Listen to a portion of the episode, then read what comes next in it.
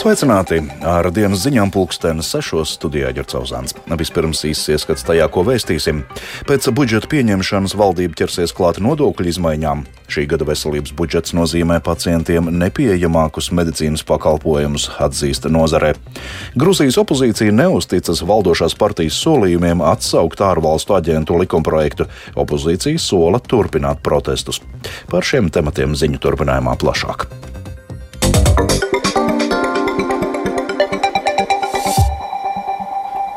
Pēc budžeta pieņemšanas lielais darbs tikai sāksies. Tā pēc diennakti ilgušās saimas sēdes, kurā galīgajā lasījumā pieņēma ar budžetu saistītos likumprojektus, uzsvēra valdības vadītājs Krišāns Kariņš no jaunās vienotības.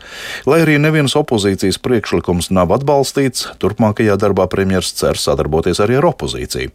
Sāks vērtēt nepieciešamos uzlabojumus veselības aprūpas un izglītības jomu finansēšanas modelī. To saista ar nodokļu sistēmas izmaiņām, ko plānots sagatavot līdz rudenim. Tā redzījumā krustpunktā uzsvēra finanšu ministrs Hārvils Ašaradens no jaunās vienotības. Latvijai ir laiks vērtēt savu nodokļu sistēmu un vai tā nauda, kas tiek iekasēta, pietiek to vajadzību finansēšanai, kas vienai modernai valstī ir vajadzīgs. Es tieši tāpat raudzītos to, ka mums ir ļoti svarīgi ieguldīt divos jautājumos. Tātad veselības aprūpe, tas ir viens, otrs ir, protams, izglītība. Viens ir izvērtēt esošo nodokļu sistēmu, kas būtu labojams vai sakārtojams tur, un otrs tad mēs skatīsimies tādu politisko partneru piedāvājumu. No savas puses, ko es likšu galdā, ir ilgspējīga valsts veselības aprūpas finansēšana ieviešana, tad uh, pašvaldību finanšu izlīdzināšanas sistēma. Tās uh, diskusijas būs, un mēs plānojam, ka mēs pabeigtu šīs lietas oktobrī. Tātad tam būtu divas nozīmes. Viena ir iespējams relatīvi nelielas nodokļu izmaiņas, varētu būt jau uz nākamā gada budžetu. Ja būs plānotas masīvākas nodokļu izmaiņas, tad jau 25. gadā varētu būt nopietnākas pārmaiņas. Vienas no kaismīgākajām un garākajām debatēm saimai pieņemot šī gada budžetu bija par finansējumu veselības nozarei. Tai šogad nauda būs 1,6 miljārdi eiro, papildus piešķirti 85,8 miljoni eiro. Tomēr ar to nav gana. Mediķi iepriekš pauda, ka papildus būtu nepieciešama vēl aptuveni 220 miljoni eiro. Nozara pauž, ka budžets ir tik niecīgs, ka tas padarīs pacientiem nepieejamākus medicīnas pakalpojumus. Par to plašāk Lindas Pundiņas ierakstā. No 1,6 miljardiem eiro šī gada veselības budžetā lielākā daļa, jeb 1,35 miljardi eiro, tiks novirzīti ambulatoro un stacionāro veselības aprūpas pakalpojumu apmaksai. Papildus nozarei šogad piešķirti 85,8 miljardi eiro, ko plānots pamatā novirzīt onkoloģijas pacientiem, bērniem un ārstniecības personu atalgojumam.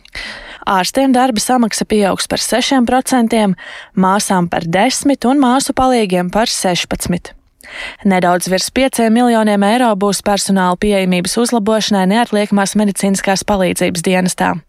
Jāpiemina, ka ņemot vērā Covid laika piemaksu beigšanos, šogad būs par 500 miljoniem eiro mazāk budžetā nekā pērn. Bijusī veselības ministra Ilza Viņķela no attīstībai par saka, ka valdības izpratne par veselību pēc Covid-19 pandēmijas ir pilnīgi izzudusi, lai gan situācija veselības aprūpē ir tuvu dramatiskai. Pēc pandēmijas naudu nozarei vajadzēja atvēlēt vēl vairāk, jo vajadzība ir vairāk. Tās pozīcijas nav tik daudz, kam pietiks patiešām visu vajadzību apmierināšanai. Mēs varam sākt ar ģimenes ārstiem, kuriem darba apjoms būs milzīgs un ir jau milzīgs. Slimnīcas faktiski kreditē valsti sniedzot pakalpojumus, kuru pašizmaksa pat netiek nosakta. Bet tas, kas būs dramatiski, mēs esam valsts ar lielākajiem pacientu līdzmaksājumiem Eiropas Savienībā, un bez šaubām pie šāda budžeta tā situācija neuzlabosies. Ja. Ir tāds termins, ja katastrofāls notikums finanšu tas būs ja, cilvēku budžetiem. Latvijas slimnīcu biedrības priekšsādātāja vietniece Dāna Mūrmana un Braško saka, ka nozares bažas ir piepildījušās. Tās visas, teiksim, bažas, kuras izteica nozare un slimnīcas biedrība par to, ka slimnīcām būs problemātiski nodrošināt pakalpojumus, šogad eh, var kļūt par realitāti, ja vien netiek gada gaitā kaut kādos mēnešos atrast vēl kādu papildus citu risinājumu. Ja tie netiek, tad tas, ko mēs jau iepriekš teicām, ka, teiksim, vasaras otrā pusē rudenī plānēt palīdzību tiks ļoti stipri ierobežot nozīmē pacientiem to sliktāko rindu pagarināšanos. Nozara paredz, ka gada otrajā pusē nāksies izsludināt ārkārtas situāciju. Arī Latvijas ģimenes ārstu asociācijas prezidente Sarmīta Veida saka, ka budžets ir tik niecīgs, ka tas nevar nosakt sabiedrības vajadzības. Ārste būs spiesti samazināt darba apjomu. Asociācijai jaunadēļ būs pilnsapulce, kurā lems, kādi būs nākamie soļi. Linda Spundiņa, Latvijas radio. Izglītības jomā šī gada budžetā 61,6 miljonu eiro paredzēti skolotāju algu paaugstināšanai.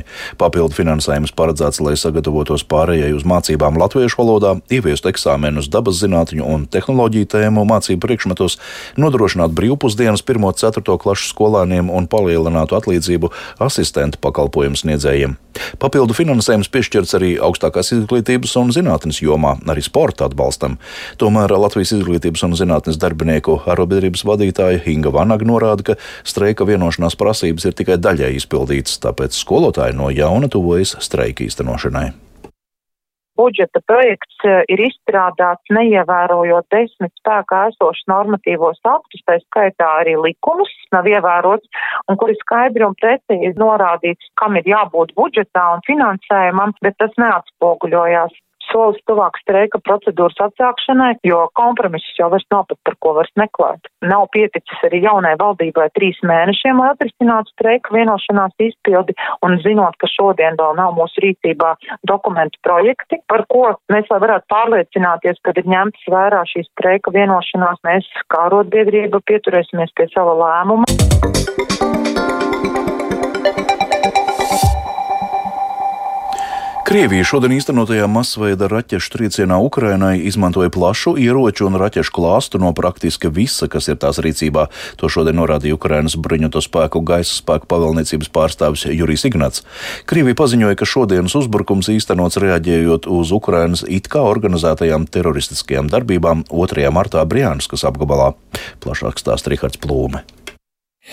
Krievija šorīt Ukrainai uzbruka ar 81 raķeti, no kurām 34 Ukrainai izdevās notriekt. Iebrucēji uz Ukrainas pilsētām raidījuši zenīta raķetes, dažāda veida aviācijas raķetes, dažāda veida spārnotās raķetes, vairākus Irānā ražotos dronus un arī sešas balistiskās raķetes Kinžal. Kā skaidrojas Ukrainas bruņoto spēku gaisa spēku pavēlniecības pārstāvis Jurijs Ignats, šodienas uzbrukums bija liels un Krievija šāvusi ar visu, kas tai ir. Ataka, nu, dīsno maštabna, dīsno...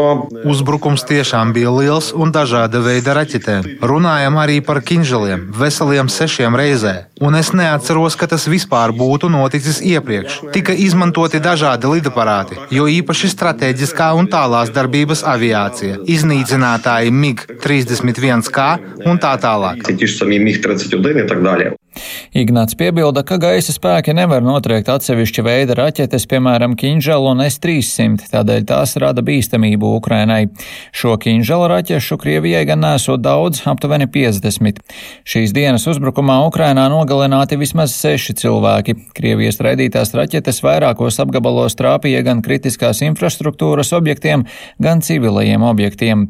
Uzņēmums Ukrenergo visā valstī sāka elektroapgādes atslēgšanu, lai līdzsvarotu energosistēmu un izvairītos no iekārtu kļūmēm.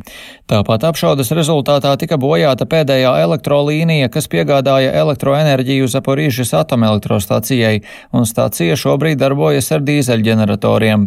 Francija šodien paziņoja, ka tas radīs nepieņemamu risku kodoldrošībai. Rihards Plūme, Latvijas radio.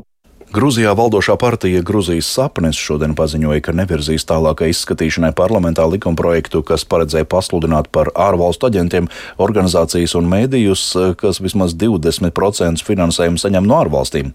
Partija šādu lēmumu pieņēma pēc vairākas dienas ilgušiem iedzīvotāju protestiem galvaspilsētā Tbilisī. Neraugoties uz Grūzijas sapņa paziņojumu, arī šovakar pie parlamentā, kas ir plānota demonstrācija, kuras dalībnieki pieprasīs valdošajai partijai sniegt plašākus paskaidrojumus, kā tā plāno atsaukt strīdīgo likumprojektu. Parlamenta deputāts Davids Hadžišvili no opozīcijas partijas apvienotā Nacionālā kustība sacīja, ka iedzīvotāji neusticas valdošajai partijai. Мы не один раз видели в нашей истории, когда грузинская мечта просто обманывала Mēs vairākas reizes esam pieredzējuši, ka Gruzijas sapnis vienkārši piekrāpa cilvēkus. Tāpēc mums ir jāpārliecinās, ka šajā gadījumā tiks ievērotas visas parlamentārās procedūras, lai viņi atkal nevarētu maldināt cilvēkus. Viņiem šis likumprojekts būtu jāiesniedz uz otro lasījumu, un tad viņiem būtu jānobalso pret šo likumprojektu. Tādā gadījumā viņi vairs nevarēs to vēlreiz iesniegt parlamentā, un tikai tad varēs teikt, ka likumprojekts beidzot ir atsaukts. Līdz tam brīdim neviens nevar garantēt, ka viņi to nevirzīs tālāk un nepieņems galīgajā lasījumā. Обсуждать и не примут этот законопроект окончательно.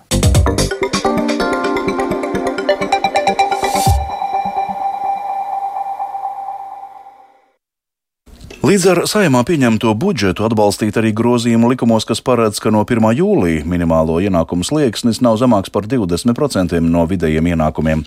Sliekšņus pārskatīs katra gada janvārī. Labklājības ministrija norāda, ka līdz ar to palielināsies gan minimālās pensijas, gan valsts sociālā nodrošinājuma pabalsti.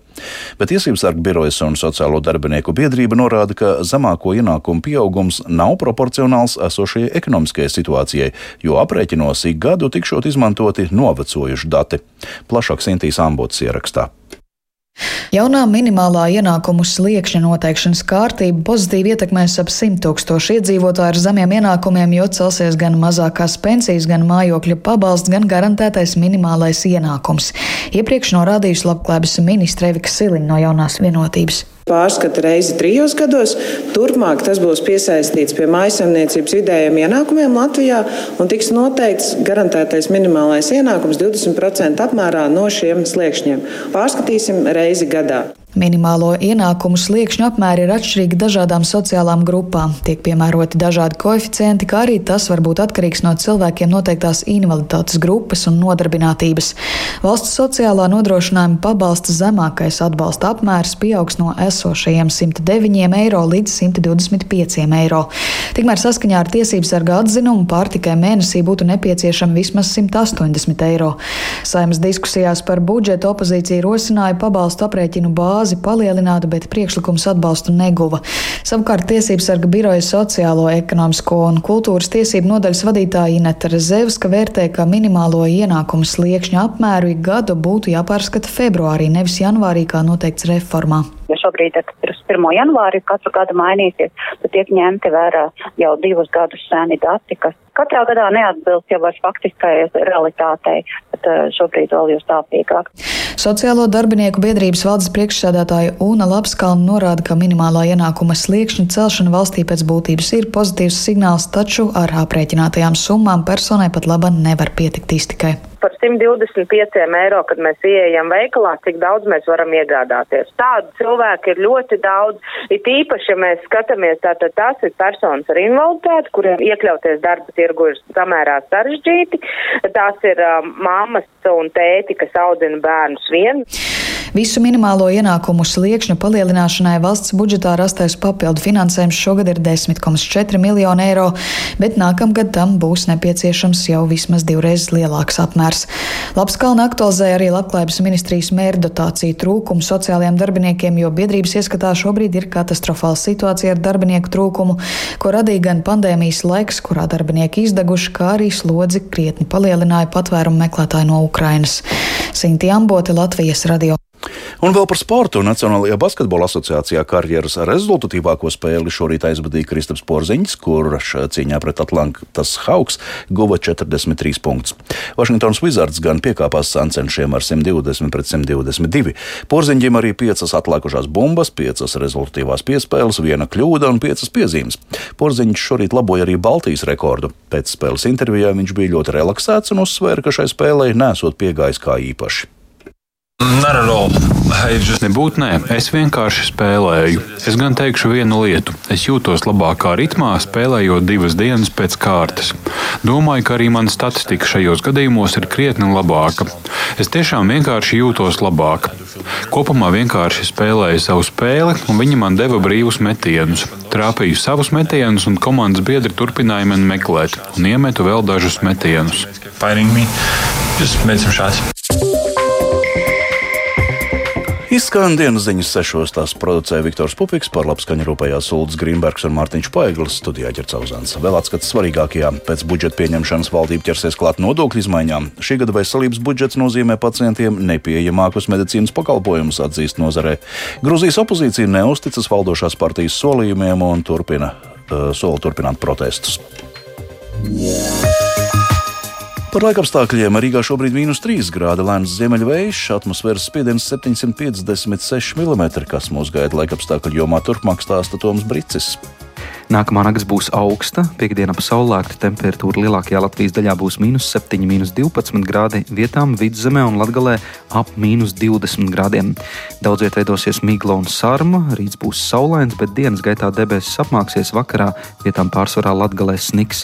Brīvdienās mūs sasniegs jauns ciklons, gaidāms sniegs, slapšnieks un putenis, bet vidzemē un latgalē sestdien arī lietus un atkal veidosies apledojums. Temperatūra sestdiena 0,3 grādi, latgalē un vidzemes austrumos līdz plus 1. 1,4 grādiem, bet svētdien visā valstī atgriezīsies neliels sals.